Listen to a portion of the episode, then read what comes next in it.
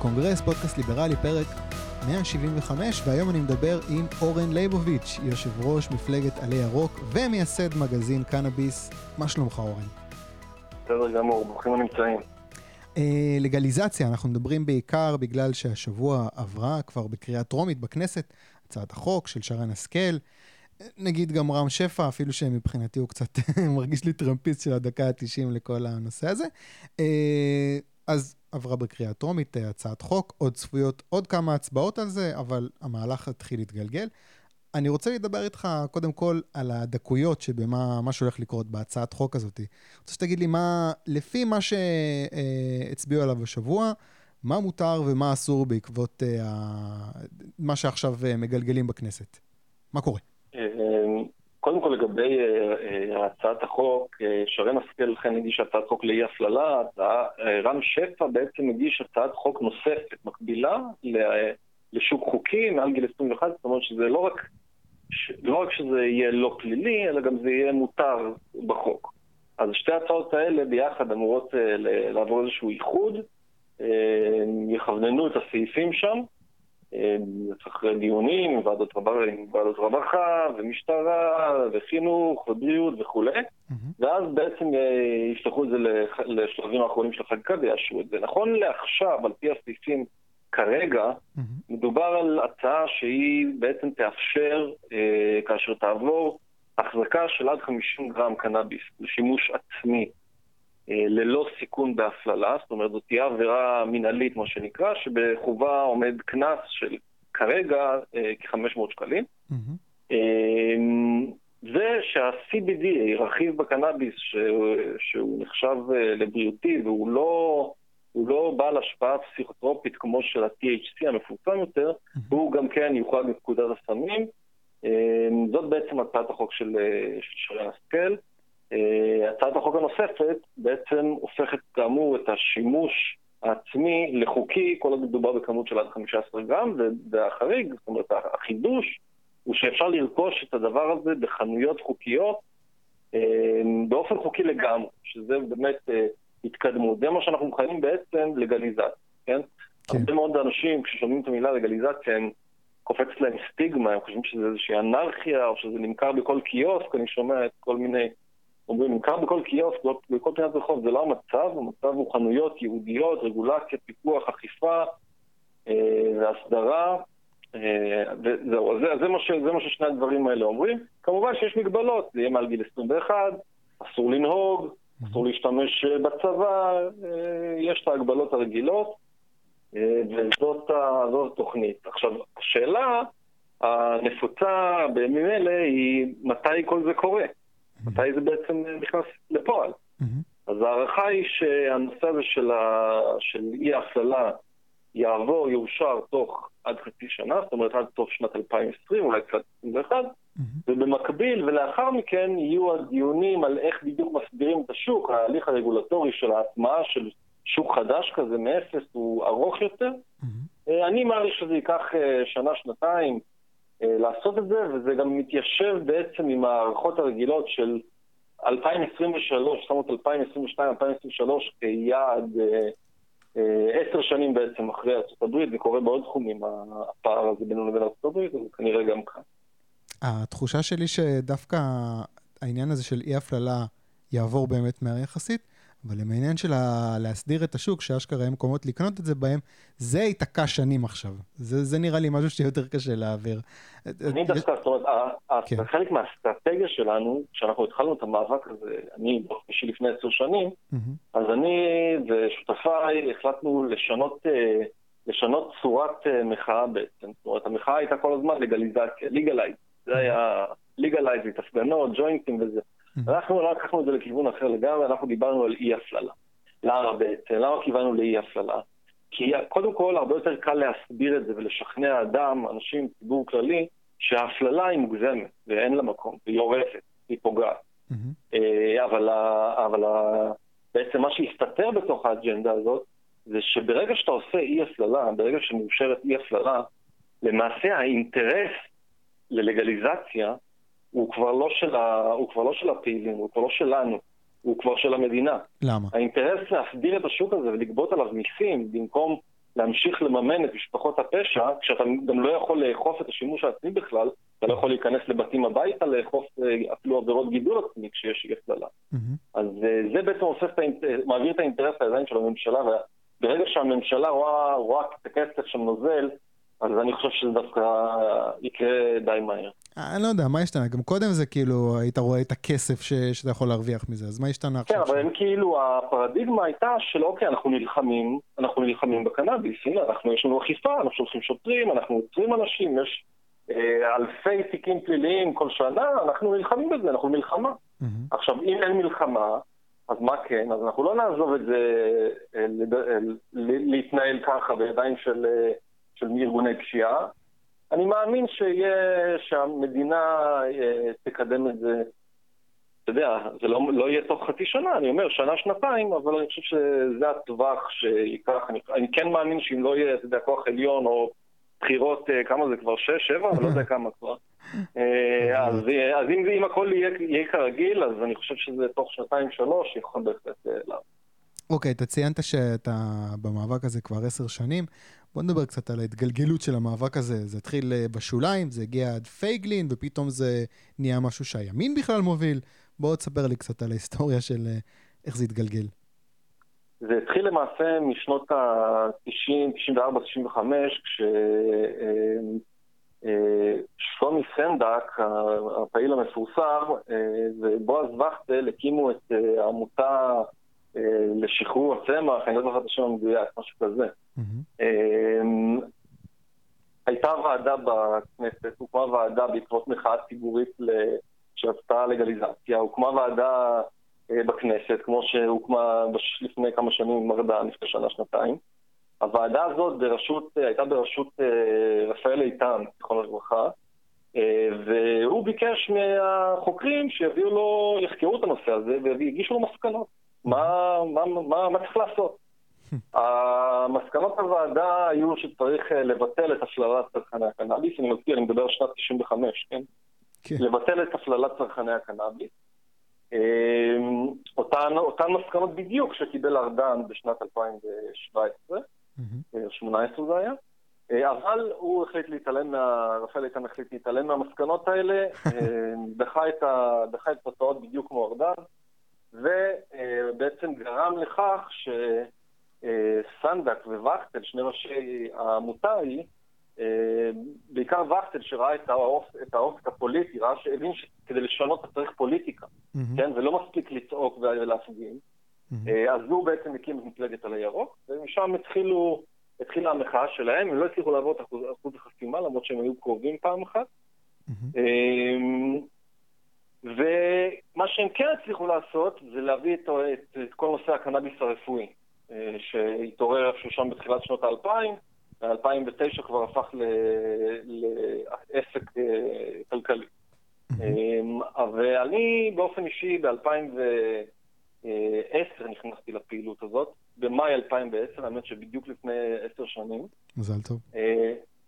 ואני באופן אישי נכנסתי כי פשוט מחוויה, מחוויה אישית, מחוויה טראומטית אישית, אני חבר, חבר טוב שלי חבר ילדות כזה, שהייתי מעשן איתו מדי פעם, אה, נתפס עם אה, ג'וינט בכיס. השוטרים פשוט היו מציקים לו, תפסו אותו פעם אחת, ואז היו באים אליו כל הזמן, מחכים לו מתחת לבית, ופעם שהוא יוצא עושים לו חיפוש. תפסו אותו פעם, ככה זה היה לפני עשר שנים, אז תפסו, תפסו אותו אה, פעם אחת, ואז תפסו אותו פעם שנייה, ובפעם השלישית, כשכבר הביאו אותו לבית משפט, זה כבר כתב אישום, בית משפט, השופט אמר לו, בוא, תתנצל, תתחרט, אני אשקול אולי לוותר לך, למרות שזו כבר פעם שלישית ואני אמור לשלוח אותך לכלא, כבר יש לך על תנאי. Mm-hmm. אז החבר אמר, תשמע, אני לא רוצה להתנצל, הוא היה כמוני כזה, עם חושים של אה, לוחם צדק, הוא אמר, אני לא רוצה להתנצל, ונשלח לשלושה חודשים בכלא. Mm-hmm. וזה מבחינתי היה בלתי נתפס. חבר טוב שלי, ילד, לגמרי ילד טוב, שבגלל כי הסיגריה בכיס נכנס שלושה חודשים בכלא, זה פשוט קטסטרופה, ואני אמרתי, אני חייב לצאת למאבק הזה, אה, לתקן את הדבר הזה.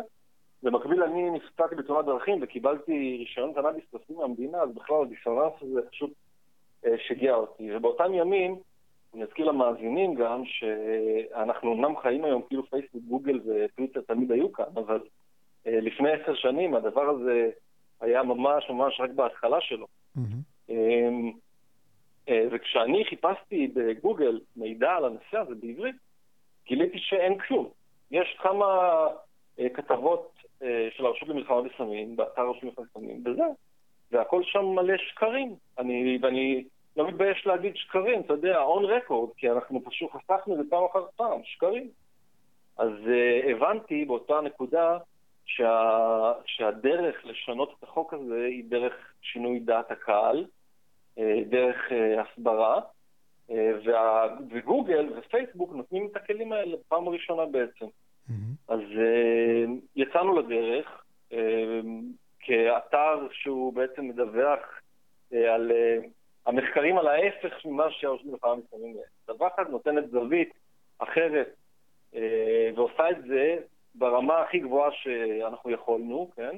מבחינת אמינות, מבחינת עיתונאות, ניסינו תמיד אה, להיות שווים אה, כמו העיתונות הרגילה, שיסתכלו ויגידו, אוקיי, זה אנשים רציניים. הרעיון היה גם לשנות את השפה, לדבר על אי הפללה במקום לגליזציה, לדבר על צרכני קנאביס במקום על סטלנים, וגם אה, להפיץ את המידע הזה כמה שיותר רחוק ולכמה שיותר אנשים. זה הלך וגדל בקצב כזה שהיה פשוט בלתי נתפס. תוך כלום זמן, דף הפייסבוק עם אה, עשרות אלפי אה, לייקים, הכניסות לאתר בגרף אה, קבוע, עולות באופן קבוע, אה, ואני נשארתי לזה, אה, והפכתי לאיזשהו, אה, לפנים, אה, גם, גם זה דרך אגב, חוץ מהשפה, אמרתי שינו את השפה, גם, את ה... אח- אחת ההבנות הייתה שכדי לה, לייצג מאבק כזה, אתה לא יכול לשים מישהו עם רסטות ועיניים אדומות בפרונט שלו. מהמם. זה היה, ברור, אין לי שום דבר נגד רסטות כמובן, אין לי שום דבר נגד עיניים אדומות, אה, אבל אה, אתה, אתה חייב לדבר אל סאחים אה, כסאחים, אין מה לעשות. אה, ואני אמרתי, אוקיי, אז אני, אני יש לי לוק סאחי, אני גם לפעמים סאחי, אה, בהתנהגות, לא, לא, לא בצריכה, בצריכה אני עדיין צורך. אה, אבל, אה, אבל אה, אמרתי, אני אשים את הפנים שלי, הוא גבר, אני חושב לדבר הכי בוטה, אולי זה לא מתאים, אבל אין מה לעשות, כך זה נראה העולם עובד. אה, אה, גבר צעיר, אשכנזי, אה, נראה מבית טוב, הכל טוב איתו, אין לו שום בעיות, והוא זה שייצג את המאבק ללגליזציה, ולא איזה סטלן עם רסטות שיגידו, אה, נו, הוא רוצה רק לעשן. אנחנו רצינו להפוך את המאבק ללגליזציה, וזה משהו שאנחנו דרך אגב גם בימים אלה נאבקים על זה כדי להעביר את המסר הזה, ממאבק, ממה שנתפס כמאבק לעישון קנאביס, למאבק להסדרה של שוק חוקי, שזה שני דברים שונים לגמרי.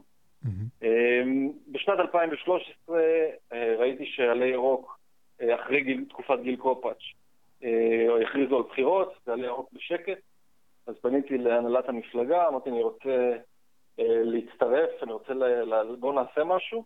בסוף מי שקיבל את המושכות היה, הייתה התנועה הליברלית החדשה. אמ, אני הצטרפתי אליהם, בעצם הייתי נציג הקנאביס בתוך הרשימה הזאת. אמ, רצנו, הביאו, הבאנו תוצאה עד אז הכי גבוהה שהייתה למפלגה הזאת, אני חושב. הכי, מבחינת, מבחינת אה, מספר מצביעים, או מבחינת אחוז. מהמם. ו-2015, שנתיים אחר כך, אה, כבר היו... ברשותך, אני רוצה, באופן טבעי, אני הייתי חלק מה... הצטרפתי קצת למאמץ לנסות לדחוף את, ה, את, ה, את המפלגה הזאת אה, בזמנו. 13. כן, ב-2013. אה, יש לי חולצה אפילו. אה, אתה התחברת לאג'נדה של התנועה הליברלית החדשה, או שזה כאילו קצת צרם לך, אתה יודע, חבר'ה, של השוק חופשי וזה? זה לא, זה לא צרם לי בכלל, אני מאוד התחברתי, אני אפילו רציתי, אני חושב שרציתי יותר מדי להתחבר, זאת אומרת, הם נבהלו קצת, אפילו, אתה יודע, הרחיקו אותי קצת, כי אני כאילו באתי, אמרתי, אוקיי, אני מאמץ את הדבר הזה לגמרי, ואני רוצה להיות גם נציג של הדבר הזה, ואני לא רוצה ללכת לדבר בכנסים ולדבר על ליברליזם, כאילו, מהמם. ואפילו הייתי שותף באיזה, אבל זה לא, זה לא הסתדר, כי אני גם לא, הייתי, לא, ידע, לא ידעתי מספיק על התורה של הדבר הזה.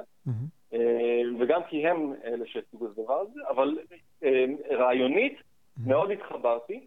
הייתה לי אוקיי. בעיה עם הייצוגיות של הנושא הזה של הליברליזם בישראל, בגלל, מאותה סיבה, מאותה סיבה אני חוזר, כמו שאמרתי, לא, לא עושים מאבק למען לגליזציה כשבראש שלך עומד אה, סטלן עם רסטות. מהמם. אז, אז הרי זיהיתי את אותה בעיה במאבק של הליברלים. רואים שורה של גברים אשכנזים, עמידים ברובם, שאומרים שצריך שוק חופשי. נו מה, זה אמין? זה לא אמין, זה לא אמין. זה נראה כאילו מדברים מאינטרס, למרות שיכול להיות שהם צודקים במאה אחוז, אבל זה לא נתפס טוב, זה לא עובר טוב. אני חושב שעד היום זאת אחת הבעיות של התנועה הזאת, לצערי. אמ, כן, זה ככה, זה, זה, זה הדבר הראשון שאני הרגשתי. איפה, אה, אמרתי, איפה כל הבנות ולמה כולם פה אשכנזים אה, עשירים. יפה. אה, אבל מאוד, כן, מאוד הזדהיתי עם הרעיון הזה, אני עד היום מזדהה עם, עם האג'נדה של שוק חופשי. קצת התמתנתי, אני חייב להודות, ביחס למה שהייתי אז, אמרתי, אני הייתי על גבול האנרכיזם כבר, כאילו, בקטע החיובי, כן, לא בקטע כן. של הרס ומה שזה, אבל אני בהחלט בצד הזה, כן, של שוק חופשי, של הקלות. אוקיי, בוא נחזור ל-2015. 2015, שוב אותה סיטואציה, מכריזים על בחירות, על הירוק, אה, מה קורה איתה. אמ, הפעם אה, התנועה הליברלית החדשה לא רצו, אני לא זוכר בדיוק מי הם רצו, או אם הם לא רצו בכלל בסוף, אה, אבל אני קיבלתי מנהלת המפלגה את המושכות. עשינו קמפיין שלדעתי הוא עד היום הקמפיין הכי טוב של המפלגה הזאת, אני לא אובייקטיבי אמנם, אבל זה ככה אני מרגיש. וגם יש, אה, לראייה, הבאנו את הכי הרבה קולות אה, שאי פעם סגל קיבלה, אה, למרות שאחוז החסימה בדיוק עלה כמעט פי שתיים, מ-2% ל-3.25, וזה כאילו היה אמור לגמור את המפלגה הזאת, אבל למרות זאת הבאנו מספרים יפים מאוד, דוקטור ברקת שיף הייתה ברשימה, זה מאוד מאוד מאוד הוסיף. אבל שוב, לא נכנסנו, לא נכנסנו לבחירות. ב-2019, א', אה, הדיבור היה, היה כל מיני דיבורים, אבל אחד הדיבורים היה לחבור ביחד עם אה, פייגלין, שצבר אז תאוצה והיה מאוד מאוד, אה, מאוד חזק. Mm-hmm. אני לא אכנס בדיוק, אתה יודע, לפרטים של מה היה שם במשא ומתן, היו שם דברים לא נעימים גם, אבל אה, הוא, לא, הוא לא יצא לפועל, לצערי. עד היום לצערי, כי אני חושב שיש סיכוי טוב שביחד אה, היה אפשר להביא תוצאה, היה אפשר להיכנס לכנסת. Mm-hmm. אמ, זה לא, זה, לא, זה לא עבד, אז אנחנו בעצם בדקנו עוד אפשרויות ולבסוף אמרנו, אוקיי, הרעיון, הרעיון יותר טוב מלרוץ כמפלגת עלי ירוק, כמפלגת לגליזציה, הוא to pull out, לצאת החוצה מהמאבק הזה ולהותיר בשוק, בשוק, בשוק הקולות, כן? אה, להותיר שם משהו כמו 50 אלף מצביעים כמעט ודאיים, ועוד אולי 50 או 100 או 150 אלף מצביעים פוטנציאליים. Mm-hmm. שלתת למפלגות האחרות לריב עליהם, שהם יריבו עליהם, שהם ינסו לשכנע אותם למה, למה הם יקבלו את הקול הזה. 50 אלף קולות זה לא טוב, זה כמעט שני מנדטים, כל מפלגה רוצה את זה. כן. ואכן, ואכן מה שקרה זה שבהתחלה באמת פייגלין יצא עם זה, mm-hmm. אחר כך גם מפלגת העבודה הצטרפה, אחר כך אורלי לוי הצטרפה, ולאט לאט ראינו שעוד ועוד מפלגות מזאת הפוטנציאל. אה, פייגלין לא נכנס, ואז 2019 ב' אני חושב עברה בשקט יחסית, למרות שגם הייתה שם התקדמות בנושא הזה, וב-2020 כבר זה כבר הפך להיות קונצנזוס. זאת אומרת, כל המפלגות הגדולות, למעט המפלגות הערביות אה, והחרדים וימינה, אה, כולם בעצם היו בעד. בוא, בוא תסביר לי רגע. זה בעצם מה שאפשר עכשיו, את ההצבעה שאנחנו הגענו אליה עכשיו, זה בעצם מה שאפשר זה. אה, חרדים וימינה, אני יכול להבין למה הם מתקדמים, יש פה איזה, אה, למה הם מתנגדים, יש איזושהי בעיה אה, אידיאולוגית נראה לי. למה הערבים מתנגדים לזה? מה, מה מקור ההתנגדות? דווקא, אני דווקא בדיוק היה סיכום ככה חושב. אני חושב, אני מבין שהערבים, שהם קהילה הרבה הרבה יותר מסורתית, אה, הרבה יותר צמודים להלכות המוסרתיות, כן? אה, לפי הדת, אה, להתמסטל זה חרם, אסור, אסור. אסור לו אלכוהול שום דבר. אה, אוקיי. אסור סטלה זה חרם, ולכן זה אסור. אה, זה, זה במשקל של האלכוהול מבחינתו. זה מהמקום של הדת. זה מהמקום mm, של הדת. הבנתי. חושב, כן, אני גם דיברתי על זה עם זחאלקה, אני שאלתי אותו, הוא הסביר לי שזה זה, ולכן גם אין סיכוי שהם יסכימו, זה מה שהוא הסביר. אם זה היה תלוי, שאני אבין, אם זה היה תלוי בהם, גם היו מוציאים מחוץ לחוק את האלכוהול נגיד? אני חושב שכן. אני אוקיי. חושב שכן. אוקיי. אני חושב שכן. אוקיי. אה, אבל דווקא בצד, דווקא בצד ימין של היהודים, דווקא שם התפלאתי. כי אני רואה מפלגה, כמו ימינה, שמתהדרת בנוצות של ליברליזם, אה, ימין חדש, אה, חילוני, דתי, מקבל ומאמץ ביחד, ובשורה התחתונה הם לא, הם נגד, הם נגד. וזה לדעתי ממש אה, עקום. זה לא מסיבות דתיות, וזה לא מסיבות, אה, אני לא יודע למה זה, זה נהיה זה... גם, הש, גם לשמרנות יש גבול, גם לשמרנות יש איזשהו גבול. Uh, אני לא חושב ש... אני רואה את סמוטריץ' למשל ואת מתן כהנא, הם אנשים מאוד מאוד אינטליגנטים, אני שוחחתי עם שניהם, mm-hmm. התכתבתי עם, uh, עם שניהם, mm-hmm. uh, אני גם אמור להיפגש איתם, אני מאמין. והם אנשים חכמים, ואני לא מצליח להבין למה הם לא תומכים בזה. פשוט לא מצליח להבין. לדעתי, זה נראה לי שפשוט הם מדמיינים לעצמם שהקהל שמצביע עליהם הם כאלה שמצקצקים לקנאביס. כאילו, אתה יודע... זה אלקטורלי, אתה אומר. כן, אלקטורלי. יש, יש לנו קהל של ילדים טובים במרכאות.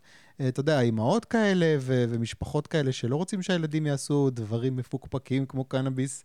אה, אז, אז זהו, פשוט נראה לי אלקטורלי. לא, לא רואה באמת איזושהי התנגדות אידיאולוגית. יכול להיות. יכול להיות שגם האמת שכולם תומכים, אז אולי שווה לך לעשות דגל שהוא הפוך, אפילו כן. למשוך את כל הקולות של מי ש... יכול להיות. כן. יכול להיות שזה פשוט פוליטי. אבל... אה, ואם כולם תומכים, אז למה באמת אה, כל כך חשוב שהם יתמכו בזה? שגם הם יתמכו לא בזה? לא יודע, תשמע, גם נכון, למה בעצם להניב אחריהם? שאלתי, אל תתמכו, אבל יש פה יש משהו מהותי, יש פה עוול שנמשך כאילו כלפי 27% מהציבור הישראלי, פשוט עוול, כי תיק פלילי זה לא איזה משהו, אתה יודע, תיק פלילי לא נורא. זה, זה הורס את החיים תיק פלילי, אחר כך אתה לא יכול להתקבל לעבודות, אחר כך יש לך, אתה לא יכול אפילו לאמץ ילד אם אתה רוצה, זה מלא בלאגן אה, תיק פלילי כזה. ואני לא מבין איך יכול להיות שאנשים אינטליגנטים כאלה לא מבינים שהנזק במקרה הזה הוא, הוא, הוא גדול, הוא גבוה על התועלת. אין, אין תועלת, אחוז השימוש לא יורד. אני לא מצליח להבין את זה. אוקיי, וזהו, ואתה אומר, הגענו להווה, שאנחנו ממש על הסף, כאילו, אתה, אתה אומר, ש, שנתיים מהיום, אני תולה את הנעליים, תולה את המגבת, וואטאבר, וממשיך האמת, לחיי. האמת היא שכשיצאתי לדבר הזה, אני, אני, היה לי, אני הייתי אז בתקופה מאוד אה, רוחנית כזאת, אני הייתי, ב, הייתי המון זמן, הייתי איזה שנה וחצי במצטבר בהודו, אה, בעיקר בגואה, גם שם עשיתי תאונה. ואני הרגשתי באיזשהו מקום, אכלתי סרט כזה, שאני, התאונה זה עונש. אני, שאני קיבלתי עונש מאלוהים, אה, ואני צריך אה, לעשות תיקון. Mm-hmm.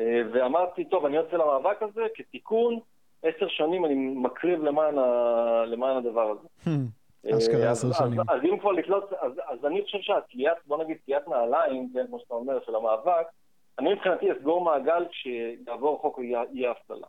כי כמו שאמרתי, אני יצאתי למאבק הזה כי חבר טוב שלי נכנס לכלא בגלל ג'וינט בכיס. ודבר כזה לא יקרה. דבר כזה לא יקרה. וזו הייתה, הייתה המטרה שלי. רק צריך להסביר את השוק, זה שלב נוסף.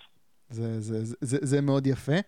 Uh, אני רוצה לשאול אותך משהו, תכננתי לשאול את זה יותר מאוחר, אבל uh, דיברנו קצת על, על התקופה של, עלי ירוק uh, ביחד עם התנועה הליברלית החדשה. בעקבות המהלך הזה חשבתי שהראשונים שיפסידו, לא נעים להגיד, זה הקהילה הליברלית, חבר'ה של שוק חופשי, אה, אתה יודע, כל הקהילה הזאת, ש, שכל פעם הם מגיעים לבחירות ואיכשהו הם מצליחים להצמיד את העגלה הליברלית לעגלה של הלגליזציה, שמביאה מספר יפה של קולות. בחירות הבאות לא יהיה כנראה את המחנה הזה, כי אם יש לגליזציה, זה כבר לא חלק מהאג'נדה בבחירות. מה אתה אומר, לגליזציה תפסיק להיות אה, חלק מהאג'נדה בבחירות? אם, אם היא תעבור, אם זה, אתה מתכוון אם זה יאושר. כן. אם זה יאושר עד הבחירות הבאות, כן? כן. אם זה יאושר עד הבחירות הבאות, אה, אין ספק. תשמע, הקנאביס בפני עצמו נהיה סמל לחופש, זה כבר... זה דרך אגב אחת הסיבות שבני נוער מעשנים יותר כש, כשזה אסור, כי הם הופכים את, המ, את מלחמת הצדק, הם הופכים את העישון, את הצריכה של הקנאביס, לאג'נדה בפני עצמה, כחלק מהמאבק, מאבק הצודק שלהם לשחרור הצמח. כן. אה, ולכן הם מעשנים, בבחינת אני אעשן, ואני אעשן כל היום, ואני אראה לכם שזה לא פוגע בי, ואני... וכאז עד שתעשו את זה חוקי. אה, אקט של מרידה, אה, כן, אני מבין את זה. כן, ממש ככה. אז, אז ברגע שזה חוקי, אז אתה לא מעניין אותך, אתה כבר לא במלחמת צדק, לא צריך להוכיח שום דבר. אז בקטע הזה הקנאביס באמת הפך לסמל לחופש, והליברלים נשאו אותו בגאון. כן, זה יפגע בהם, אבל למעשה, כאילו, אתה יודע, חצי מאפס זה אפס.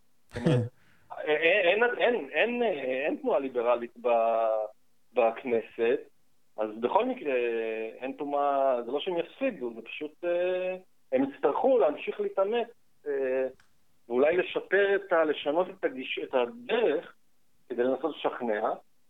אה, מצד שני אני אומר, וואלה, אתה רואה, זה שני מאבקים, זה שני מאבקים, גם הליברליזם וגם הקנאביס, זה שני מאבקים שמצליחים בסופו של דבר, אני חושב, להביא לתוצאות, גם בלי להיות בכנסת. אני חושב שגם הליברליזם, אנחנו רואים שהשוק הישראלי גם הולך ל... אתה יודע, אנחנו לא, כן, לא גן עדן מהבחינה הזאת, mm-hmm. אבל כן יש, אתה רואה ברשתות גם יותר הבנה של ששוק חופשי זה הפתרון, ראינו לפני כמה ימים את עמיר פרץ אה, יוצא עם איזושהי הודעה על, אה, על היטלים ומכסים שהוא הולך לשים, לא, לא עברה חצי שעה ומרוב ביקורת הוא מחק את הפוסט. זה לא דברים שקורים כל יום. כן. זה לא היה משהו שקורה לפני, אה, לפני עשר שנים. נכון. אז, אז, אז המאבקים האלה מצליחים, עכשיו הרבה בזכות האינטרנט, מהפכת המידע. אז בכל מקרה השינויים האלה נכנסים.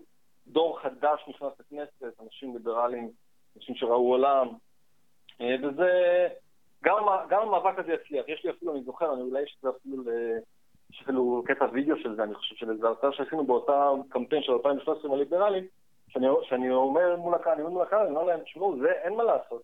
כמו עם הקנאביס, אתם יכולים לא לרצות את זה, לא לאהוב את זה. הליברליזם כאן כדי להישאר, והוא הולך ויגדל, כי אין מה לעשות, זאת השיטה שעובדת, זה מה שנכון, זה צודק. אני חושב שגם במקרה הזה וגם במקרה הזה, אה, זה מאבק שילך ויתחזק ויצליח. וואלה, אני, אני, אני חותם על האופטימיות הזאת. לא, לא, אני, אני, יותר פסימי, אני יותר פסימי, אבל, אבל אה. אני, אתה יודע, אני שומע אותך וזה, וזה, אני בוחר לראות את הטוב, אני אומר, לא, לא, בסדר, כן, כן בוא, כן, יאללה, אני, אני אופטימי, כן, אני הולך איתך. אתה יודע, הנה, גם עכשיו אני שומע, נגיד, אומרים, יהיה לגליזציה ואיזה יופי, ותמיד כמובן יש צד שאומר, וואלה, מה אתם, מה אתם חוגגים? מי שהולך להשתלט זה אנשים, זה כל מיני מפלצות, אה, חברות תרופות, ומיליונרים השתלטו על זה, והחוקים לא יתירו לנו. כאילו תמיד יש, אפשר להסתכל גם על השלילי, באמת, כאילו, ולא בציניות, אני אומר, באמת, יש גם הרבה הרבה שלילי. כן. אבל, אבל, אה, כן, אתה צודק, צריך, בסוף, בסוף אנחנו בש, בתהליך, והתהליך הזה הוא, הוא חיובי בגדול, אנחנו בגרף שיפור. אז אה, כל עוד זה ככה, אנחנו בסדר. אני זורם עם האופטימיות. בואו נדבר רגע על אפשרויות של מה יהיה בישראל, לפי מקומות אחרים בעולם. אני רוצה שתספר לי קצת על אה, מודלים של לגליזציה במדינות אחרות, דברים שיכולים להיות ב- ב- בישראל, אם, אה, אם יעברו באמת כל היוזמות אה, חקיקה שיש כרגע בקנה. איך זה הולך להיראות? נכון להיום יש בעצם ארבעה, ארבעה מודלים עיקריים בעולם בתחום הקנאביס. אחד הוא המודל השוק החופשי, האמריקאי, 11 מדינות בארצות הברית נכנסו לגליזציה, קנדה, גם כן באותה, באותו פטנט, כמו בקולורדו, וושינגטון וכולי. אה, שוק חופשי, אם אתה בין 21 ומעלה, בחלק מהמדינות 18 ומעלה, אתה הולך לחנות, החנות היא פרטית, אתה קונה ממנה באופן אה, חוקי ומסודר, בדיוק כמו שאתה קונה אלכוהול או מוצר אחר. אה, הייצור הוא על ידי חברות פרטיות, תאגידים גדולים כבר, יש שווים מיליארדים, נסחרים בבורסות, אה, נהנים מהחיים, בגדול אבל, הכי הכי שיש. וזה אה, המודל, הבעיה היחידה שלנו זה הנושא של הבנקים, כי בפדרל, הפדרל כל זה לא חוקי, אז יש לנו בעיה לבנקים לאסוף את הכסף, ויש שם כמה קשיים, אבל בגדול שוק חופשי.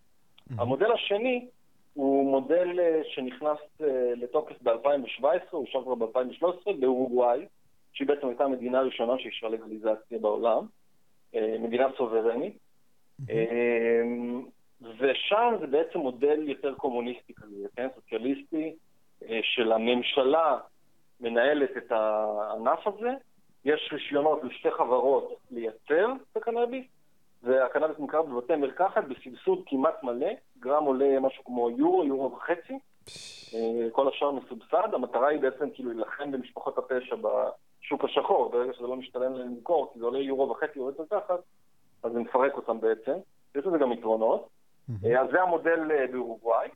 ויש לנו את אה, שני המודלים הנוספים בהולנד, בעצם באמסטרדם בעיקר, ובברצלונה, שזה מודלים די דומים של, באמסטרדם זה נקרא coffee shop, בברצלונה זה נקרא מועדונים club, ובעצם חנות זה לא, זה לא חוקי אה, רשמית, כן, רשמי בפקודת הסמים זה לא חוקי, אבל הם מתירים את זה, מאפשרים למכור קנאביס בחנויות מסודרות, כניסה עם הצגת תעודת זהות לבגירים, קונים, אה, הולכים הביתה ומעשנים, אין זה שום בעיה, אבל במקרה הזה, למשל, גם בברצלונה וגם בהולנד, הגידול למשל הוא אסור. אז יש שם איזושהי העלמת עין בעצם. יש חברות שמגדלות באופן בלתי חוקי, מוכרות את זה לקוף שופ, ואז זה זה הופך לחוקי, ומוכרים את זה אה, שם מעל הדלפק. אז מבין המודלים האלה, אני באופן טבעי נוטה למודל האמריקאי, לקנדי.